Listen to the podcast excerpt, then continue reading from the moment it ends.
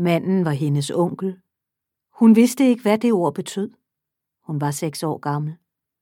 Han bøjede sig ned til hende og forklarede hende en sidste gang, hvad der nu skulle ske. Hun havde igen besvær med at forstå ham, men hun forstod ham.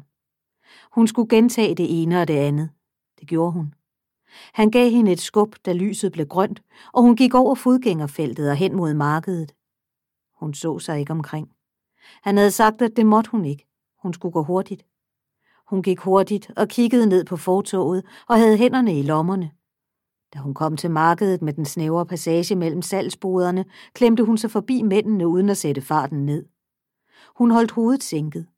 Mændene ordnede deres stande, fejede, lagde grøntsagerne frem og frugterne.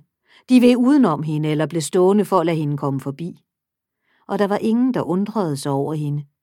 Lige præcis sådan ville det være, havde onklen sagt.